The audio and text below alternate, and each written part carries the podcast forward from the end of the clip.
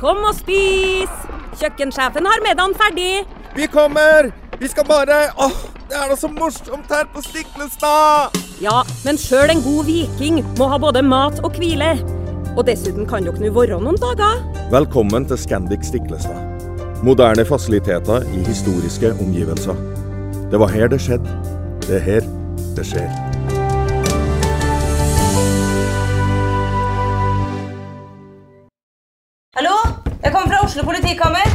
Ine Jansen er purk. Er du purk? The motherfucking bitch. Alt jeg vil, er å finne ut hva som skjedde med mannen min. Jon Carew. Er jeg sikta for noe? Iben Akeli. Det er du. Ole So, Lars Berrum og Big Daddy Karsten. Hvem sin side er du på, egentlig? Anette Hoff, Tone Danielsen, Kommer du fra Afrika? Jørnis Josef, Nesten. Kløfta. Trond Espen Seim, Det er synd å si det, men det var feil mann som døde. Purk. Premiere tirsdag på TV2 Play.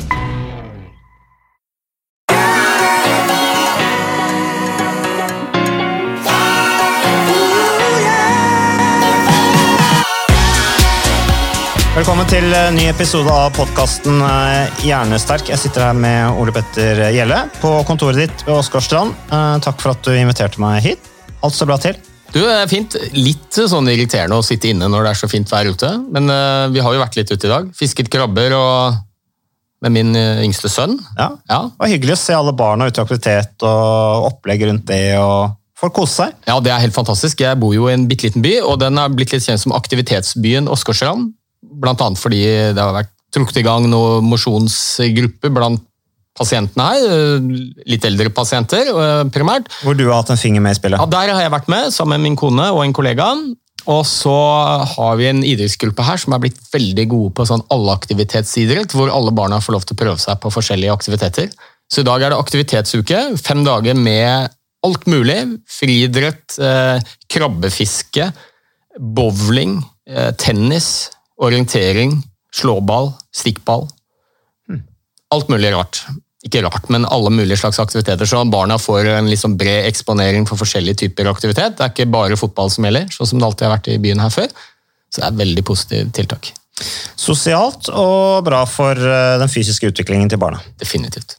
Eh, Ole Petter, eh, vi har jo hatt den podkasten her noen uker nå, eh, og det har jo vært veldig morsomt. Vi har fått veldig mye hyggelige eh, tilbakemeldinger fra lytterne våre, uh, syns jeg. Det har vært eh, overveldende. Um, og eh, jeg har tatt med noen av eh, tilbakemeldingene og innspillene inn i den podkasten vi nå skal spille, fordi at jeg tenker litt sånn dialog med brukerne er jo litt hyggelig. Eh, fordi at eh, Når de sender inn spørsmål til oss, så er det fordi at de ønsker å få de spørsmålene belyst, eh, og de reflekterer over de. Så jeg tenkte vi skulle ta litt om det i dag. og Det er en som heter Shack Holst som har skrevet til meg på Facebook. Ivrig lytter. Eh, tommel opp. Takk for at du sender inn innspill, Shack. Han har litt sånn artig refleksjon her. Han, han sender meg et spørsmål her. Hva mener vi om hvordan sparkesykkelen påvirker aktivitetsnivået sitt? Det da Jack tenker på, det er jo da den elektriske sparkesykkelen. Så det er jo egentlig ikke en sparkesykkel, det er en sånn elektrisk Hva kaller man det egentlig? Kaller man ikke elsparkesykkel? da? Jeg Dere har ikke. det her i Åsgårdstrand? Jo, altså det er jo en del som har kjøpt det privat. Ja. Foreldre som har kjøpt det til barna sine, men vi har jo ikke alle disse som eh, slenger rundt i gatene som man har i Oslo. Nå er det jo tusenvis av dem, de ligger jo overalt. ja, som er eh, mange som hater de, eh, en del som elsker de. Eh, men så skriver Jack eh, eh, at ja, at har, han skriver at det har jo noe med dette her at folk fraktes passivt rundt. Og så skriver Kjerkla at burde elsparkesykkelen være lov i et samfunn hvor 75 ikke er tilstrekkelig fysisk aktive i henhold til Folkehelsemyndighetenes målsetting da, om ca. 150 minutter i uka med fysisk aktivitet. Eh, en litt morsom eh, refleksjon. Eh, hva tenker du om det, Ole Petter? Jeg er ikke noe sånn personlig veldig glad i disse elsparkesyklene, av to, to grunner. Det ene er jo selvfølgelig at jeg vil jo gjerne at barna skal få lov til å bevege seg selv. Det er utrolig viktig for barns eh, utvikling, helse, både nå og senere i livet. Så alt som stimulerer til at de beveger seg for egen maskin, er jo langt bedre enn disse elektroniske hjelpemidlene. Samtidig så ser jeg jo at de, de er jo kommet for å bli Jeg tror ikke vi kan forby de. Skal vi da forby mopeder og motorsykler og mm, Så- De forurenser jo ikke, da. Det er jo det som er positivt. Nei da, og- Bortsett fra at de forurenser gatemiljøet. Og så ser jo jeg at det er en del som bruker de, og som faktisk eh, kommer seg ut. Sant? Fordi at de gidder ikke å gå ut, det er langt til dit de skal, og så blir de heller sittende hjemme og, og se på skjerm eller spille. Så For noen så tror jeg disse elsparkesyklene kan være et verktøy for å komme seg ut, bruke det til fotballbanen eller de stedene de skal for å drive med aktivitet, og da tenker jeg det er positivt. Men jeg syns det er langt bedre å, å sykle eller bruke en vanlig sparkesykkel. Så jeg, jeg tror ikke det er realistisk øh, å tenke at man skal kunne forby dem, men øh, jeg vil jo heller stimulere til foreldre til å kjøpe en vanlig sparkesykkel eller en sykkel. Det er jo foreldre som kjøper dette, og som bestemmer. Det er jo stort sett veldig unge mennesker som bruker det, disse tradisjonelle. Eller så er det, og Den andre årsaken til at jeg er litt skeptisk til det, er jo risikoen for skader. Jeg jobber mye med hjernen, og vi vet jo bl.a. i Oslo så er en av de viktigste kontaktårsakene til eh, legevakta i Oslo, det er jo skade på disse folk som fiser rundt i høy hastighet i beruset tilstand i Oslos gater sene, sen nattetid, fredag og, og lørdag, uten hjelm. ikke sant? De går fort, Ja. og potensial for skade. Det er jo ikke lov å sykle i fylla, så det bør jo ikke være lov å kjøre sånn elsparkesykkel i fylla heller, tenker jeg. Nei, det burde absolutt ikke vært lov i det hele tatt. Øh, Og, så jeg anbefaler iallfall hvis du skal bruke disse elsparkesyklene, så ha på deg hjelm. Er det et organ du ikke har lyst til å ødelegge, så er det hjernen din. Ja. Nei, så er ikke, Vi er ikke sånn spesielt positive til de eh, elsparkesyklene, bortsett fra at det ikke er eksos. da. Så det forurenser jo ikke Nei, det gjør det ikke. sånn Og, og som sagt, hvis det kan være et verktøy for å få Hvis vi nå snakker om unge mennesker så Det er jo stort sett de som kjører rundt på dem fast. da, ikke sant? Og så har du noen som bruker det i Oslo, når de, eller store byer, når de trenger det. Men uh, hvis det kan brukes som et verktøy for å få ungdommen ut til å drive med aktivitet, at det er et transportmiddel for å kunne spille fotball eller spille tennis, eller hva du nå gjør for noe, så er jeg ikke så negativ til det. Nei, det er bra. For min del så jeg tar mye kollektivt i Oslo, og da går jeg. Eh, Og jeg kommer ikke til å kjøpe abonnement på en sånn elsparkesykkel, fordi jeg tenker at det er bra at jeg får gått. Det er fint å få gått litt ekstra, som, eh, som en ekstra supplement til annen fysisk aktivitet. Eh, Så skriver han videre, sjekk da, han har et spørsmål til deg, Ole Petter, som jo også er interessant. Eh, morsom refleksjon, syns jeg. Han skriver her eh, Jeg har flere venner som eh, har hatt en positiv gevinst av å bruke aktivitetsklokke, fordi de får et mer bevisst forhold til egen aktivitet gjennom konkret statistikk. Eh, Og Jack spør oss da om ikke smartklokke burde pålegges folk å bruke. At staten burde subsidiere kjøp av slikt utstyr, på lik linje med eksempel hva de gjør med elbiler, som et bidrag til å øke bevisstheten i befolkningen relatert til sitt eget fysiske fysisk aktivitetsnivå, og samtidig, det gjelder også kosthold og kalorier også, som han nevner her, og samtidig måle en utvikling da over tid. Hva med skatterabatt ved opparbeidelse av eksempel PAI-poeng? Og PAI det er altså et system som er utviklet oppe ved et miljø oppe i Trondheim av bl.a. Fredrik Wisløff, som jo akkurat fikk en sånn pris. Ulrik Wisløff? Ja, Ulrik, mener jeg. Ulrik Wisløff, Ja. unnskyld. Eh, Takk for at du retta meg på det. Som, Du er vel sånn øh, på, i sykkelverdenen og tenker Fredrik Wilman, kanskje? Ja, det er nok kanskje litt sånn blanding her. Det kan være, men det er Ulrik Wisløff som eh, som er en av mennene bak PAI. Da, som er, du må ha en viss intensitet, så opparbeider du deg poeng. Eh, og så er det på en måte mål på helseatferd eller helse. Eh, interessant, uh, spennende. Um, hva tenker du om det, Ole Petter?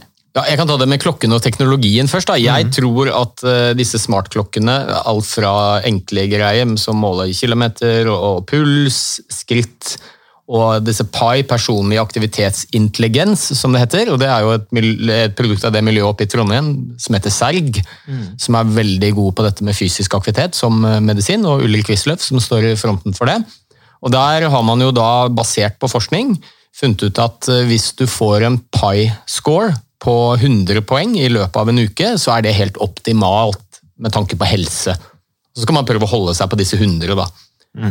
For den måler forskjellige typer eh, aktivitet. Og Jeg tror at den typen teknologi for veldig mange kan være en slags gulrot og en liten sånn motiverende faktor. Og man får mye, mye større bevissthet over sitt eget aktivitetsnivå. Jeg har igjen en del pasienter som jeg snakker med om fysisk aktivitet, Og så sier de at ja, ja, men jeg er jo ganske aktiv og trener så mange ganger i uka. Og så spør jeg, men hvor mange skritt tror du det går i uka, f.eks.? Og så vet de jo da at ja, 10 000 er i hvert fall det som er anbefalt da, for voksne. Minst 10 000 skritt om dagen. Unnskyld, om dagen.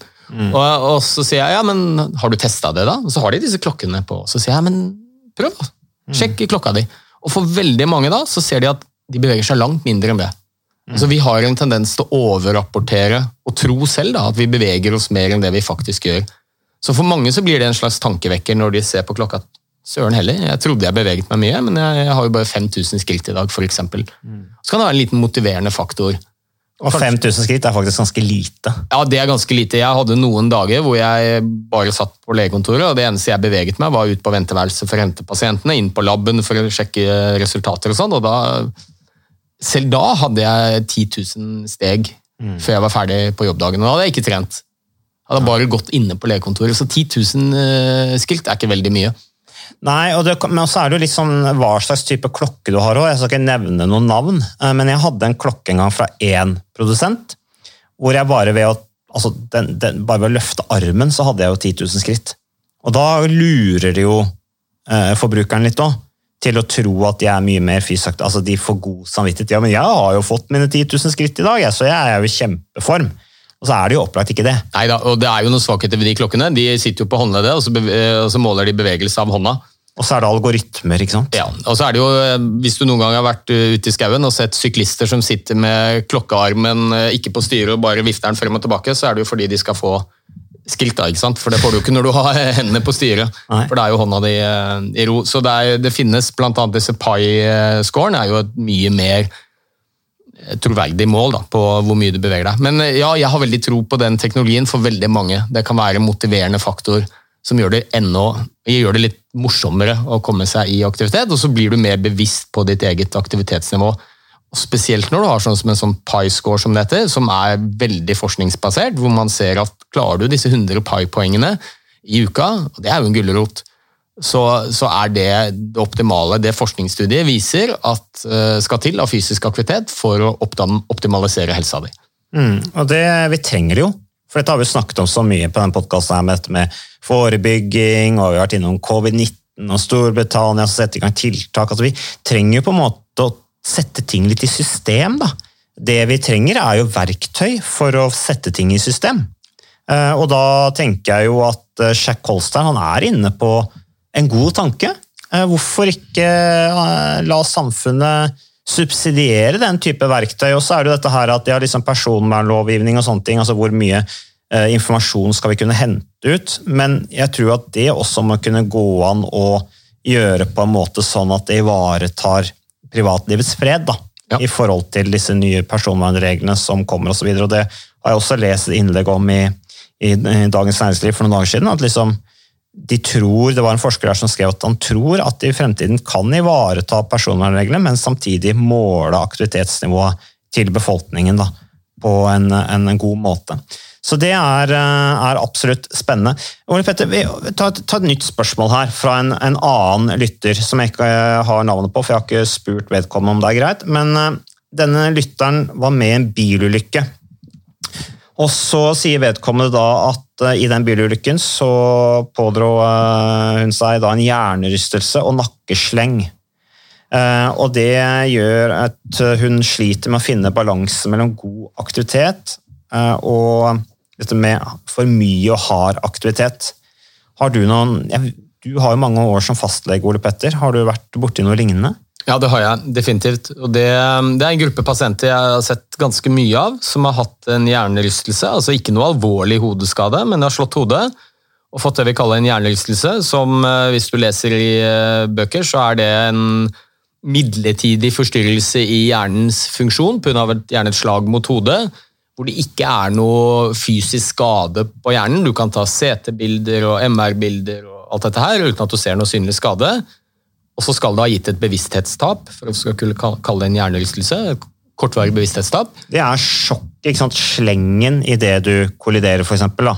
Ja, altså Det er rett og slett eh, forstyrrelse i den elektriske aktiviteten mellom nervecellene som gjør at du mister bevisstheten i kort tid, men det er ikke noe synlig skade på hjernen. Så hjelm hadde ikke nødvendigvis kunne ta altså, du, Det kan også skje selv om du ikke har hjelm på hodet. du kan få hjernerystelse også uten hjelm på hodet. Ja, ja, ja. ja altså, hjernerystelse, Jeg tror vel de fleste hjernerystelser er kanskje uten hjelm på hodet. Det kan være enkle ting holdt på å si, i hjemmet, hvor du skaller huet ditt mot noe, eller noen Ja, Eller du ikke skaller hodet, du bare får en sleng. På byen, Ja. Det kan være falle av sykkel med eller uten hjelm. Altså, det er mange årsaker til hjernerystelse. men det er jo ikke noe farlig tilstand, og derfor er det nok kanskje litt sånn undervurdert øh, i helsevesenet. Man, når vi får pasienter som har slått hodet, så er vi mest nå snakker jeg om vi, da sier jeg oss leger generelt, at vi er mest opptatt av å utelukke alvorlige ting. ikke sant? Blødninger og knusningsskader i hjernen, så vi sender de til CT og MR. Og er det fint, så sier vi ok, dette er en hjernerystelse, det går over. Og så sender vi pasienten hjem. Så sier vi kanskje vær litt forsiktig første uken med å se på TV, vi vet at det kan eh, forverre problemene, og er det helt ferske ting, så sier vi at pass på ikke, at du ikke er alene de, det første døgnet, sånn at folk kan sjekke at du ikke blir dårligere osv., men så blir de overlatt til seg selv. Og så får jeg mange av dem tilbake igjen, fordi de opplever at eh, noen uker, kanskje måneder til og med etter at de har fått denne hjernerystelsen, så sliter de med hodepine, noen har kvalme, konsentrasjonsvansker, og så vet de ikke helt hva de skal gjøre for noe. Så kommer de til fastlegen, og så sier vi ofte ja, bare ta det med ro. Ja. Og, og det er jo spesielt de som er glad i å være i aktivitet og trene, så får ofte beskjed av helsevesenet nei, det er viktig å være forsiktig og bør ikke trene for mye. Og Det er jo et svar som frustrerer veldig mange, som er glad i å bevege seg, og, og som vet alle de positive effektene som følger med det. Og Noen blir jo til og med litt deprimert av dette. De, kanskje er de sykmeldt fra jobb og får ikke trent osv. Så, videre. så min sånn tommelfingerregel iallfall når det gjelder trening, det er å prøve seg litt fram. Hvis du kan klare å gjøre aktivitet, om det er sykling, gå, jogge, spille tennis, hva det måtte være for noe, som ikke gjør at det blir verre, så fortsett med det. Jeg tenker på jevn aktivitet utenfor høy intensitet, kanskje. Ja, ikke, altså Start forsiktig, selv om du har vært glad i å trene og trent mye før, så ta det veldig rolig. Jeg hadde en pasient som hadde løpt maraton og trente hver dag, hadde fått en hjernerystelse, sykemeldt, fått beskjed av legen sin at han måtte ikke trene. Da ble han jo bare enda dårligere mental eh, for, eh, forfatning. I hvert fall. Ikke kunne han gå på jobb, ikke kunne han trene, noen av de viktigste tingene i, i livet hans. Så da anbefalte vi bare start med bare en rolig spasertur en halvtime. Mm. par ganger i uka. Og hvis du klarer det uten at disse plagene du har, i hans tilfelle så var det kvalme og litt hodepine, hvis det ikke blir verre, så er det greit. Og så kan du gradvis øke bitte lite grann hver annen uke, f.eks. Eh, Og, og det som ofte skjer da, er jo at de føler seg bedre. De føler at de får gjort noe. Mentalt bedre, fysisk bedre. Det er ikke sikkert det hjelper så veldig mye på hjernerystelsen, men det hjelper på hele totaltilstanden, og det er ikke farlig. Så lenge du har vært hos lege, du har fått tatt bilder av hjernen din og har konkludert med at det ikke er noe alvorlig, så er det ikke farlig å trene med en hjernerystelse. Nei, For Faren er hvis du da får hjernerystelse, så får du beskjed om å ta det med ro, og så tar du det med ro, eh, og du blir vant med å ta det med ro, så får du jo andre kan du jo risiko for andre lidelser, da. Ja, altså, Jeg kjenner veldig få sykdommer og tilstander hvor det å være i ro hjelper. Altså, selvfølgelig i store ulykker og alvorlige ting, så må du være i ro, selvfølgelig. Men, men det er en litt sånn føre-var-holdning vi har i helsevesenet. Vi er kanskje mest opptatt av å utelukke at det er noe alvorlig. Og hvis det ikke er noe farlig, eh, så ønsker vi å være på den sikre siden og så vil vi ta det med ro. Men det er fint lite hvor ro hjelper altså, i det lange løp. Så det er mye bedre, det er for min eh, oppfatning, gradvis prøve å øke aktivitetsnivået. Mm. Og blir det ikke verre, så fortsett med det. Så kan du øke steg for steg. Ukas annonsør det er eh, HelloFresh. Og eh, hvis du nå går inn på hellofresh.no og bruker koden 'fresh hjerne', så kan du få opptil 1779 kroner rabatt på da de fem første matkassene dine hvis du ikke har prøvd HelloFresh enda. Og Ole Petter, vi er jo glad i HelloFresh i podkasten Hjernesterk, eh, selvfølgelig fordi at de er en annonsør. De er med og bidrar til å spre det glade ordet om fysisk aktivitet og god helse. Men i tillegg så har jo vi også nå lang erfaring med HelloFresh Fresh selv. Så vi må jo si at det har vært gode erfaringer til nå. Ja, absolutt. Visste du, Mats, at HelloFresh er faktisk verdens ledende matkasseleverandør? Og tilbudene til HelloFresh gjør det enkelt å lage gode og varierte retter som skaper matglede. Og matglede vet du, det er like viktig som hva du putter i munnen. Det å spise mat med folk du trives med. Så gjennom 25 nye og inspirerende retter hver uke så bidrar Hello Fresh til dette. Du kan bestille ekstra porsjoner om du får gjester, eller hoppe over uke hvis du f.eks. skal bort. Og Det er ingen bindingstid, og du velger leveringstidspunkt og dag selv, så leverer Hello First matkassen din akkurat når det passer deg. Ikke dårlig, Mats. Nei, det er veldig bra. Så, øh, og dette er med enklere hverdag, det kan jeg nå skrive under på. For nå, forrige erfaring vi hadde forrige uke, Ole Petter, det syns jeg var Det var jo et gjennombrudd øh, for familien Kaggestad. For da lagde rett og slett barna De lagde middag og serverte middagen, så den var ferdig laget og servert da når eh, min kone Marita og meg kom hjem fra jobb. Og jeg mener Det var jo bare helt utrolig. Eh, Det var helt fantastisk. Det ble en nydelig middag. Riktignok de, de, de, de roter og søler litt, det gjør de. Så, men, men maten ble veldig god. De var veldig stolte over å kunne ha både laget og servert maten, så det var helt fantastisk. Så vi har jo da i det siste så har vi eh, spist eh, bl.a. sitron- og dillstekt hyse med ovnsbakte grønnsaker og aioli. Eh, Vi har spist middelhavsinspirert kylling. Taco, så finnes det mange ulike typer taco. F.eks. vietnamesisk taco, som vi har spist. Thailandsk vegetargryte. Veldig riktig og sunt eh, i dagens eh, samfunn med, med fokus på bærekraft. Hvitløk og chilistekte reker i spagetti, det var definitivt en vinner. Så det er så flott. Du får rimelig mat ved at du kun betaler for det du trenger, så det blir ordentlig feststemning med Hello Fresh. Det gjør det, og nå er det bare for deg å gå inn på hellofresh.no og bruk koden FRESH gjerne. Da får du opptil 1779 kroner rabatt på de første fem matkassene dine, hvis du ikke allerede har prøvd HelloFresh.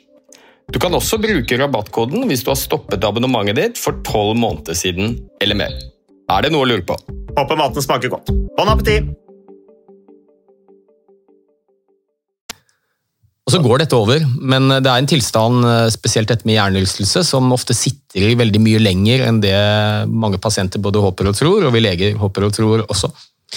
Det er jo, eh, Jeg, jeg syns det er interessant i forhold til dette med, med idrett og sykkel også. fordi eh, det er jo en del stygge velt i sykkelsporten. Eh, Og utøvere som pådrar seg hjernerystelser. Og så viser det seg at det er gjort noen undersøkelser nå blant annet i forhold til dette med hjernerystelse og depresjon. fordi det har vært noen selvmord blant profesjonelle syklister. eh, Hvor man har sett at her har det vært eh, flere hjernerystelser involvert og depresjon, og at det kan, ha, kan forårsake depresjon da, lettere etter en hjernerystelse. Så det gjøres det undersøkelser om, men der igjen tenker jeg jo da at i, prestasjons, i en prestasjonssammenheng på et sånt ekstremnivå som profesjonell idrett, så tenker jeg at da bør man kanskje gå ned på aktivitetsnivået, men for en vanlig person på gata, så vil litt fysisk aktivitetsnivå, eh, aktivitetsnivå kanskje være bra, også i forhold til å eh, forebygge eventuelt depresjon. da.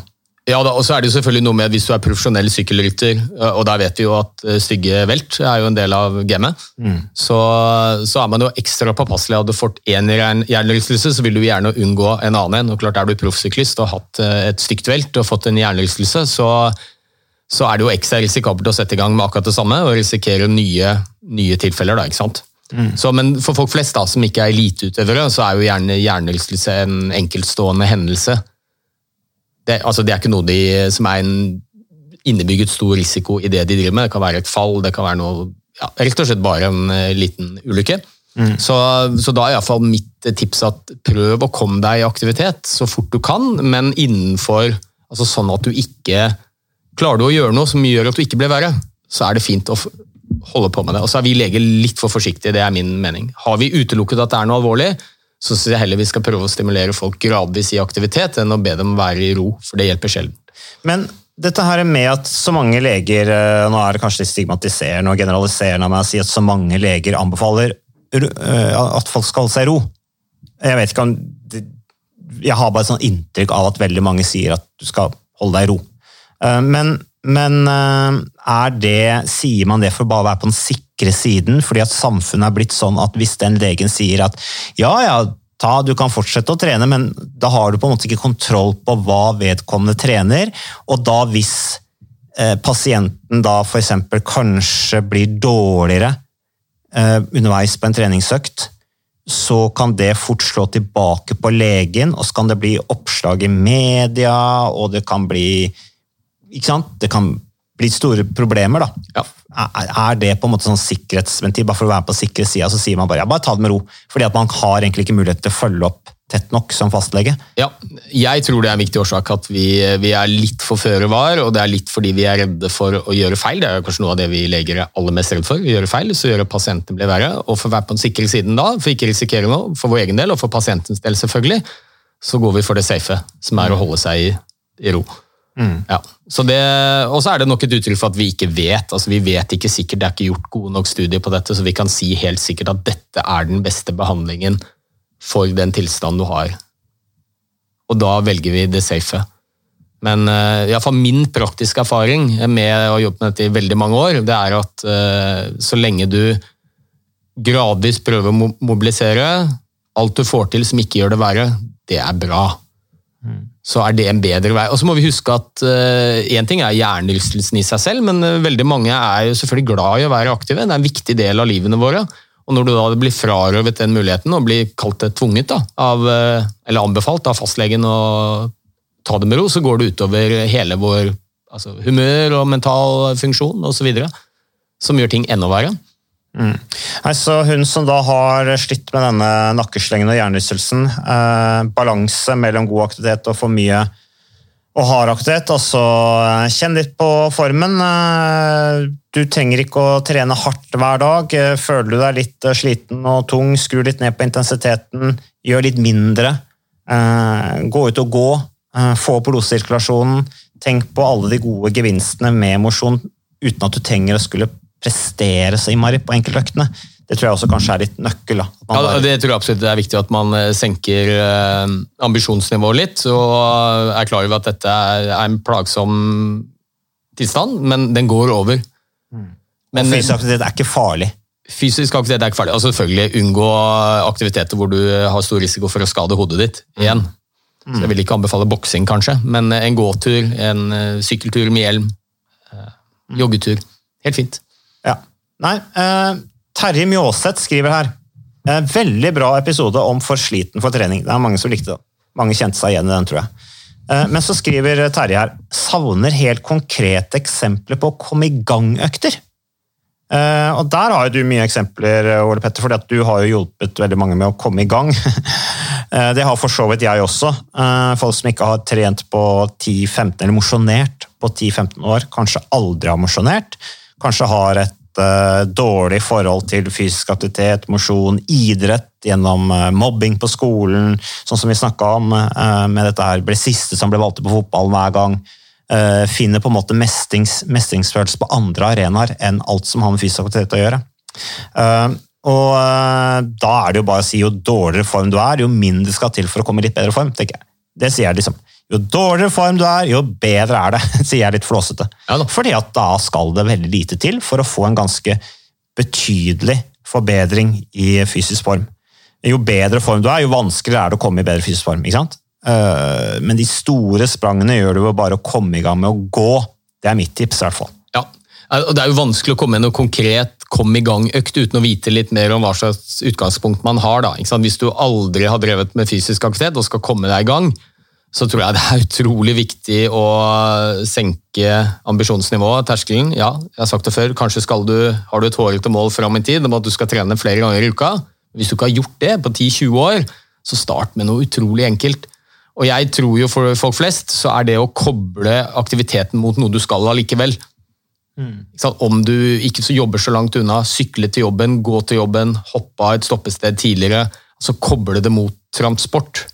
Sånn at det blir en naturlig del. Gå i trapper på jobben istedenfor ta heis. De tingene der, hvis du er, har vært inaktiv veldig lenge.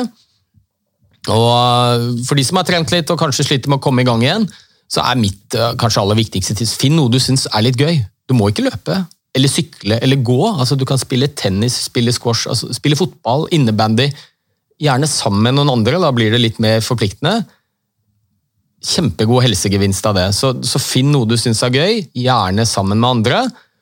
Og, og, for de som har trent litt, og mange er jo kanskje i en fase av livet hvor det er litt vanskelig å få tid til å trene like mye som man har gjort før, jobb, barn osv., da pleier jeg å si at den aller beste treningsøkten, det er den du får gjort.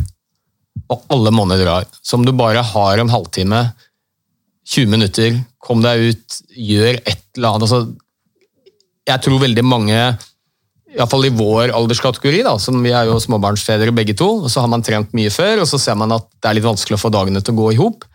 Så prøv å um, senke ambisjonsnivået litt og terskelen for hva som er en ok økt. Ja, Den eneste mislykka økta er den du ikke gjorde. Ja, ikke sant? Igjen, Uten at du skal føle du skam over ikke trene hver eneste dag. Nei. Men jeg ville jo lagd en eh, plan. altså Hvor ser du deg selv om fem år, ti år? Uh, hva er på en måte med, målet med å, å, komme i gang med å mosjonere? Det er gjerne fordi at man ønsker å unngå å bli syk, eller man har vært syk. ikke sant? Sånn som Ref Boris Johnson, som vi snakka om på en tidligere episode, som følte at nå måtte han begynne å trimme igjen fordi at han ble så alvorlig syk av covid-19. Uh, hvor ser man meg selv? Og så liksom, ok, hva, Ambisjonsnivået bør være lavt i starten. Hvor, hvordan ser ukeplanen ut? Hvilke dager har jeg anledning til å gjøre noe? Og det bør jo da i utgangspunktet Man bør starte på et lavt nivå. Gå. Har man målsetting om å jogge, så kan man først begynne å gå, så kan man begynne å gå og jogge. Jeg sier til noen at begynn da først å gå, og så går du noen uker i raskt tempo, og så legger du inn ett minutt jogg, fire minutter gang, ett minutt jogg, fire minutter gang. Så gjør du det en uke, og så neste uke kan du gjøre to minutter jogg. tre minutter, ikke sant? Sånn, systematisere det på den måten er morsomt. da. Ja, og så plutselig til slutt så har du fem, så, så jogger du sammenhengende da, hele runden. Eh, men også for folk som har trent tidligere, drevet med idrett sånn som vi har gjort. Du kommer jo lettere i god fysisk form igjen da når du setter i gang igjen, når du starter opp igjen. fordi at eh, musklene er utviklet tidligere. Du har et visst grunnlag, og musklene glemmer ikke. Så når du kommer i gang igjen, så responderer muskulaturen på det, og så kommer du litt raskere i form. Det er derfor det er så viktig at barn er fysisk aktive, fordi at det er da du bygger et grunnlag som du kan bygge videre på som voksen. Så, eh, men kom i gang-økter, som du sier, Ole Petter. Det er noe med å vite liksom, hva er utgangspunktet her. Men kom i gang, i hvert fall. Fordi at det er så positivt. Ja, absolutt. Og så er det jo Jeg får mye meldinger fra de som har trent mye før, og så er de nå som sagt i en livsfase hvor det ikke er så lett å få tid til treningen. Så tenker de at ja, men hvis jeg ikke får til en times økt, så har det ikke noe verdi. Altså, Alle monner drar, og, og um, har du en kvarter eller 20 minutters luke, jogg deg en tur, sett deg på sykkelen. altså det er mye bedre å holde seg i gang og heller ha et litt lavere ambisjonsnivå. og så, Da er det mye lettere å komme i gang igjen med de øktene du kanskje virkelig har lyst til å gjøre når livssituasjonen din endrer seg. Barna blir større, Kanskje jobber du mindre mm. og har tid til det. Og så tror jeg det med målsetting er viktig, og at man før man begynner liksom, hva, hva, ønsker du å oppnå?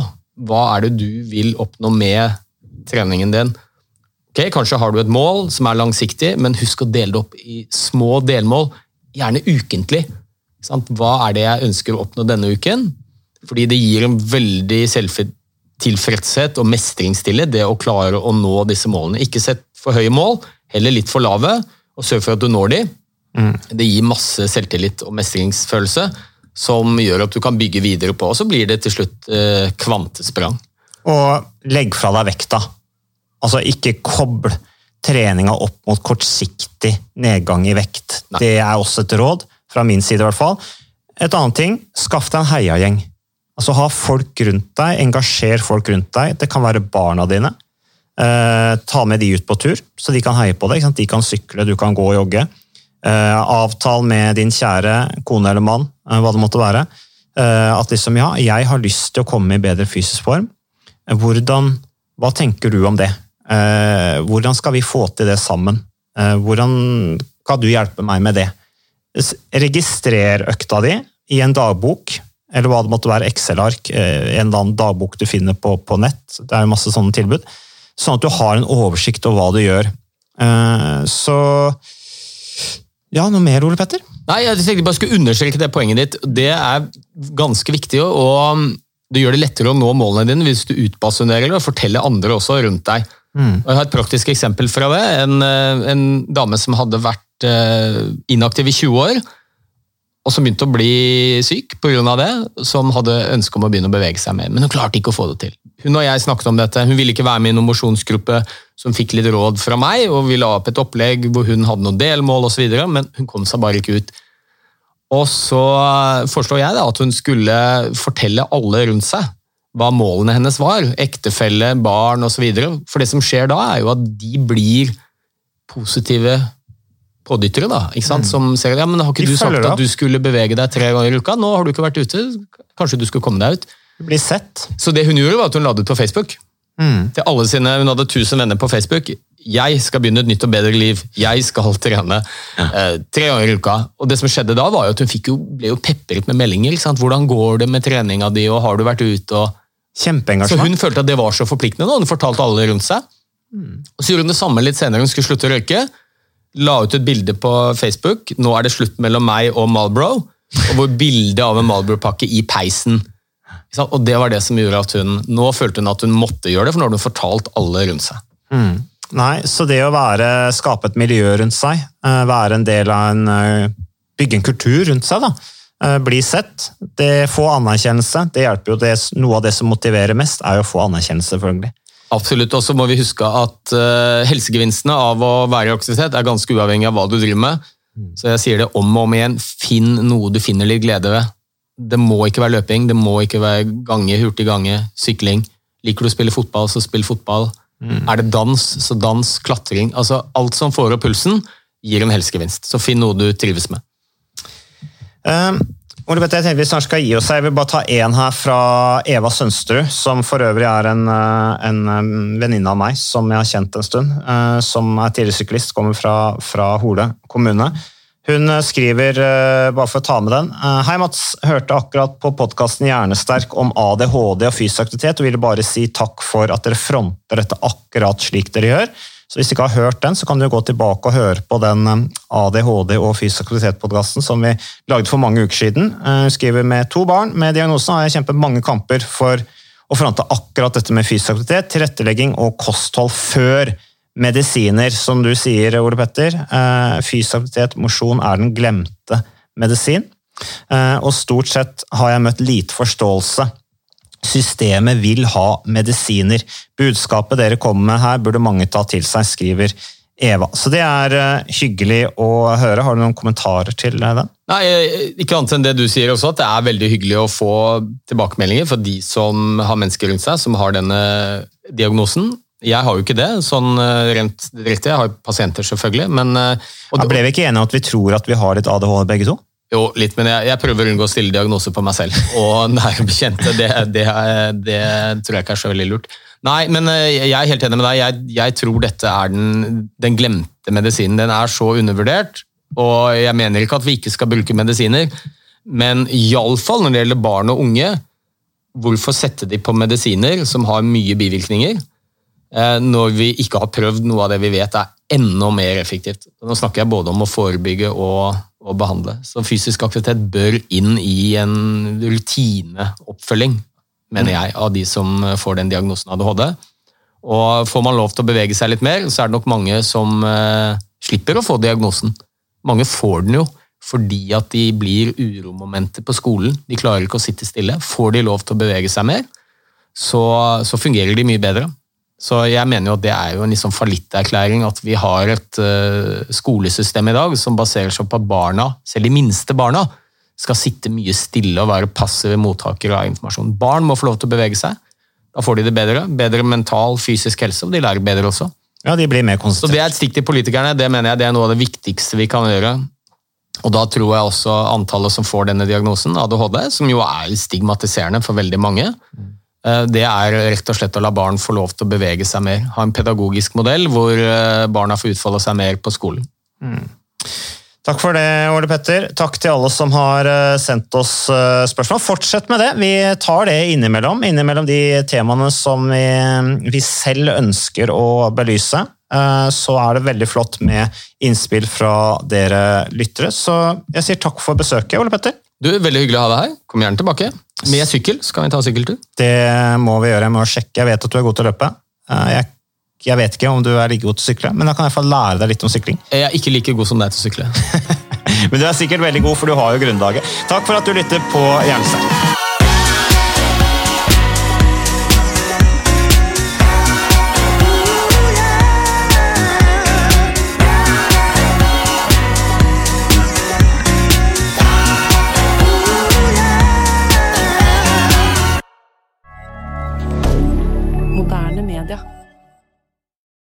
Har du et enkeltpersonforetak eller en liten bedrift? Da er du sikkert lei av å høre meg snakke om hvor enkelt det er med kvitteringer og bilag i fiken, så vi eh, gir oss her, vi.